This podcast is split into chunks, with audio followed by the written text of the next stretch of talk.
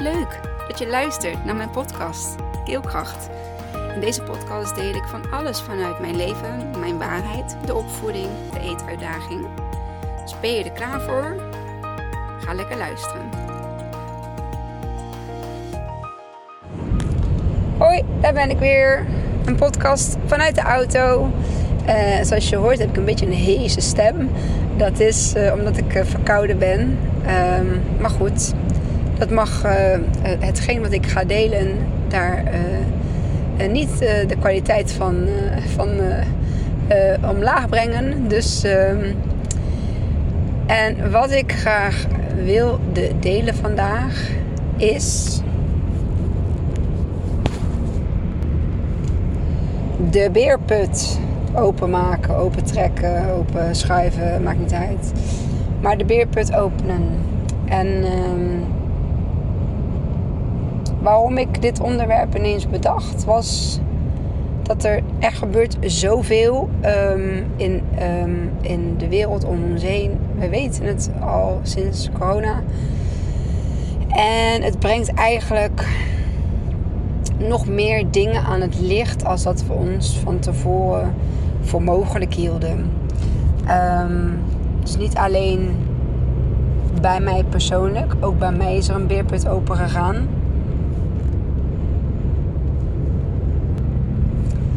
Maar ook om mij heen gaan er diverse beerputten open. Althans, die willen open. Die staan te stinken. Um, en ook extern bijvoorbeeld, als je dan kijkt nu wat er in het nieuws gaande is. Uh, met uh, grensoverschrijdend gedrag. Uh, dingen die opgebiecht worden. Mensen die eindelijk durven te spreken over hetgeen wat hun is overkomen. Aan de hand van het grensoverschrijdend gedrag. Om het dan maar even daarop te houden. En um, sommige dingen zijn waar, sommige dingen zijn niet waar. Het is natuurlijk heel moeilijk um, als er geen echt toonaangevend bewijs is of uh, bepaalde dingen gebeurd zijn, ja of nee. Um, ik zou zelf daarin niet kunnen, kunnen beoordelen. Dus ik zou daarin echt geen rechter of advocaat of aanklager van het openbare ministerie kunnen zijn. Um, maar ik zou ook geen slachtoffer daarin kunnen zijn. Of juist degene, de dader of de verdachte in kunnen zijn. En um, maar dat is ook een beerput opentrekken. En ja, eenmaal die open gaat, gaat die niet meer dicht. En komt er nog veel meer, um, komt er nog veel meer boven water. En ik vind dat het wel goed is. Ik vind dat de lelijkheden, de, de, uh, de, de ugliness, de, de, dat die mogen aangekeken gaan worden. En wij mogen allemaal onze eigen beerput opentrekken. Het is alleen zo, heel veel mensen kunnen dit niet. Um, willen dit niet, kunnen dit niet. Uh, uh, zijn bang voor de pijn, zijn bang voor alles wat het gaat brengen. Terwijl ik nu juist zoiets heb van trek alsjeblieft die beerput open. Hij moet open. Hij moet open op het moment dat jij wilt gaan um, wilt gaan uh, ja, beter worden. Niet dat je ziek bent of slecht bent. Nee, maar dat je kunt gaan helen. Dat je het kunt gaan aankijken. Hè? Het beest in de bek kijken. Om het dan maar op die manier uh, te benoemen. Um, het beest in de bek gaan aankijken. En eindelijk uh, diep, diep, diep door het stof te gaan. Um, en te gaan herinneren wat er is geweest, wat er is gebeurd. En um, dat het op jouw pad is gekomen of dat jij um, er in jouw keuze voor hè, de reis, zeg maar, dat is waarin ik geloof. Ik geloof heel erg in um, de zielenmissie. Dus zoals het boekje Er was eens een zieltje verteld. dat ik heb gekozen voor het verhaal wat ik nu ehm, aan het beleven ben, de reis die ik nu aan het maken ben. Ehm, en op het moment dat ik de reis maak zoals die um, bedoeld is, dus ik kom eindelijk tot inzicht, ik kom eindelijk tot wie ik er ben, ik kom eindelijk tot alles wat uh, mij gebeurd is, wat, uh, wat ik heb meegemaakt. Um, en dan zal dit waarschijnlijk mijn uh, laatste leven hierin zijn. Op het moment dat ik zeg maar alles heb geleerd of alles ben tegengekomen. En ik ben pas 39. dus uh, er zal nog een hoop op mijn pad komen. Uh, maar ik ben er klaar voor om het, om het aan te gaan. En um, om ervan te leren. En in mijn stuk dan, hè, dit, is, uh, dit is voor nu mijn, mijn waarheid. In het stukje waar ik nu over spreek. Um, en ik heb het een en ander meegemaakt. Zowel persoonlijk als zowel met uh, mijn kinderen. En ik was er klaar voor die ene middag dat Isa en ik in de, in de waskamer zaten. En dat ik hem aankeek in die felblauwe ogen van hem. En de lichtflitsen en alles om mij heen. Um, Zo'n intens moment dat ik het, wat ik beleefde met hem. Dat ik eindelijk contact kreeg met wie ik ben en wat ik al jarenlang um, aan het verbergen ben. En niet eens zozeer bewust, maar gewoon in de zin van ja, maar dat is iets. Uh, daar schaam ik, de, ik schaamde me voor mijn eetprobleem. Ik, en ik mocht het er niet laten zijn. Uh, maar dat ging Isa niet helpen in zijn proces. Uh, en mij dus automatisch ook niet. En vanaf het moment dat ik het ben gaan aankijken, toen, um, ja, toen draaide heel mijn wereld 180 graden om. En het geluk lachte me toe. De kansen lachten me toe. Mensen lachten me toe. Was altijd zo bang voor de veroordeling. Voor mij als moeder zijn. Hoe kan je als moeder zijn en nou een eetprobleem hebben? En hoe kan je als moeder zijn en nou zo... Uh, hè, je kind uh, uh, grootbrengen op een moment ehm, dat jij zelf eh, bijvoorbeeld niet eet of alleen eet op de momenten dat er mensen bij je zijn of um, een sociale eter. Ik was een sociale eter. Zolang er mensen in mijn buurt waren, dan was er niks aan de hand. En op het moment dat ik alleen was, of in ieder geval thuis was, of met de kinderen waarvan ik dacht dat zij dat toch niet door zouden hebben, um, dan um, verdween dat eten voor mij. Of het was een hele, um, zeg maar, ja, uber gezond uh, uh, maaltijd uh, waarin geen koolhydraten aan te pas kwamen. En, um, want ja, die at ik op de momenten dat ik met andere mensen at. Ik was echt een, ja, een stiekem stiekem, hoe noem je dat? een stiekem eet, uh, eetweigeraar. Ja. En um, dat te beseffen. Um, dat in te zien op het moment dat mijn eigen zoon mijn eetstoornis voor, uh, eh, spiegelde. Um, dat was het moment dat mijn beerput open ging. En toen kwamen er heel veel dingen naar boven. En niet altijd even fijn en niet altijd even vrij. Um, ik ben mijn uh, eerste trauma ben ik, uh, ben ik aan gaan kijken. Ben ik eindelijk gaan ja, toch wel aankijken en daardoor ook verwerken. Um, het was een gezinstrauma ook. We hebben het als gezin nog niet samen aangekeken.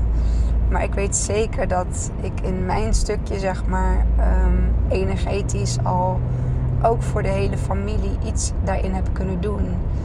En voor wat het uh, eetprobleem ook, um, de trauma's die ik ook ben gaan uh, zien van uh, voorouders, van grootouders, van ouders. Um, ik ben nog lang niet waar, ik ben nog lang niet zeg maar alles doorlopen. Dat hoeft ook niet. Misschien hoef ik niet alles te doorlopen. Ik pak alles op um, het tempo en uh, de manier waarop ik het aan kan.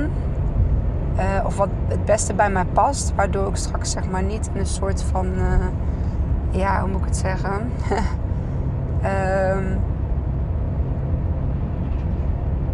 ja, dat er zeg maar zoveel op mij af zou komen dat ik het niet zou kunnen handelen. Dus ik ben daar zelf ook gewoon heel erg. Um, ik tast heel goed af en um, ik weet wat ik aan kan.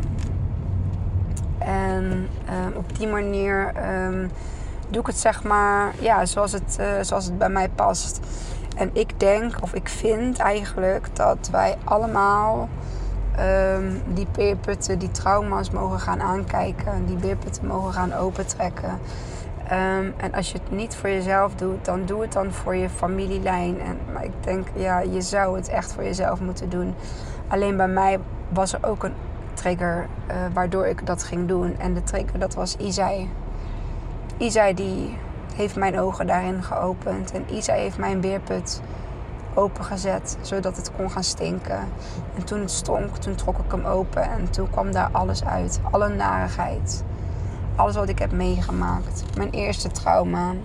De daaropvolgende trauma's. Ehm, en dat deel ik niet om zielig gevonden te worden of om uh, aandacht te krijgen. Nee, want ik weet nu dat deze trauma's mij hebben gemaakt tot wie ik ben. En sterker nog, ik heb ze zelf uitgekozen toen ik in de zielenwereld was. Ik heb die trauma's uitgekozen. Ik heb mijn reis, mijn eh, pad hier op aarde zelf uitgekozen. Ik wilde deze lessen leren. En um, ik ben dankbaar dat ik ze heb mogen leren. Daardoor ben ik de persoon die ik zeg maar nu ben. Um, en ik ben heel erg blij met de huidige versie van mij. Um, ik zou niet anders willen zijn dan dat ik nu ben. Ik zou niet anders willen meemaken uh, als wat ik heb meegemaakt. Um, de dingen die ik heb meegemaakt, die, daar heb ik van geleerd. En um, ik ben daar een veel bewuster, bewustere vrouw van geworden. Een veel bewustere moeder, een veel bewustere partner, een veel bewustere zus, een veel bewustere dochter, een veel bewustere schoonzus, een veel bewustere schoondochter, een veel bewustere collega, een veel bewustere vriendin. En een veel bewustere Kimmy. Um, dit is Kimmy, dit is wie ik ben. En, en, en met deze Kimmy sta ik iedere dag. Ja, iedere dag sta ik met heel veel vreugde en plezier op. Om een nieuwe dag, een nieuwe uitdaging. Um, ja, aan te gaan en te mogen, hè, aan te mogen gaan, te mogen meemaken. Zijn zat mensen die dit, um, waarbij dat niet gaat, waarbij dat niet lukt. En uh, ik geloof dat die um, gewoon weer opnieuw gaan beginnen. Of opnieuw mogen beginnen. En wat deze mensen uh, overigens doen met de mensen die hè, om, om hen heen, dus hun uh, geliefde, hun nabestaanden. Uh, wat het teweeg kan brengen. Althans, hoe het bij mij is gebeurd. Het is natuurlijk niet alleen Isai geweest, als ik uh, heel eerlijk ben. Het is natuurlijk ook het overlijden van ja, mijn beste vriendin Sheila geweest. in combinatie met wat er met Isai ehm, was. Ja, dat bij elkaar opgeteld. Twee twee mensen waar ik zielsvol van hou. Um, die hebben ervoor gezorgd dat ik, um, dat ik dat pad ben ingeslagen. En de een noemt het zweverig en de ander noemt het spiritueel en de ander noemt het bewust. Um, ik zie het gewoon als mezelf te herinneren. En te herinneren wie ik nou echt ben wie ben ik toen ik naar de aarde kwam? Welke reis, welk verhaal um, heb ik toen gekozen? En ik ben me er bewust van, dus ik kan mijn verhaal ook herschrijven. Het verhaal wat ik dan mezelf vertel. Um, maar de reis die ik hier doormaak. Ja. die heb ik zelf uitgekozen. En ik ben de creator van mijn eigen leven, dus ik ga ook zelf weer een andere richting kiezen. En wil dat zeggen dat er dan nooit meer nare dingen op mijn pad zullen komen? Nee, dat niet. Ik heb ook geen echte invloed voor wat bijvoorbeeld andere mensen of bepaalde, bepaalde situaties uh, waar ik geen uh, overmacht op heb, die uh, kan ik niet ontsnappen. Maar ik kan wel ehm, de weg daarin, de route daarin bewandelen op de manier waarop het voor mij het beste is. En dat is nooit meer slachtofferrol kiezen. Dat is mijn eigen verantwoordelijkheid kiezen. Mijn eigen pad daarin zien te vinden. En um, oké zijn met welk antwoord daar dan ook uit gaat komen. Um, want ik heb niet overal invloed op. Het enige waar ik invloed op heb is de manier waarop ik ermee omga. Um, en dat is voldoende ik zou ook geen invloed willen hebben op, op anderen of op uh, situaties. Tuurlijk, je kan bepaalde dingen wel misschien proberen te, uh, ja, te sturen. Maar uiteindelijk, um, wanneer je de dingen niet alleen doet, en over het algemeen doe je heel veel dingen niet alleen, of je leeft in een bepaalde, in een bepaald gezin of in een familie, of je bent. Uh, ja, in heel veel situaties gewoon niet alleen. Uh, en op heel veel situaties heb je ook gewoon uh, geen invloed. Uh, maar wel hoe je ermee omgaat. En daarmee ben jij ja, de, de leider, zeg maar. De leider van jouw leven, de leider van jouw keuzes. Um, en niemand anders. En um, ja, om die beerput open te trekken is wel heel veel lef, vertrouwen, um, liefde. Heel veel zelfliefde nodig. Om jezelf um, daarin dingen ook te gunnen. Om dingen vanuit liefde te bekijken. Um,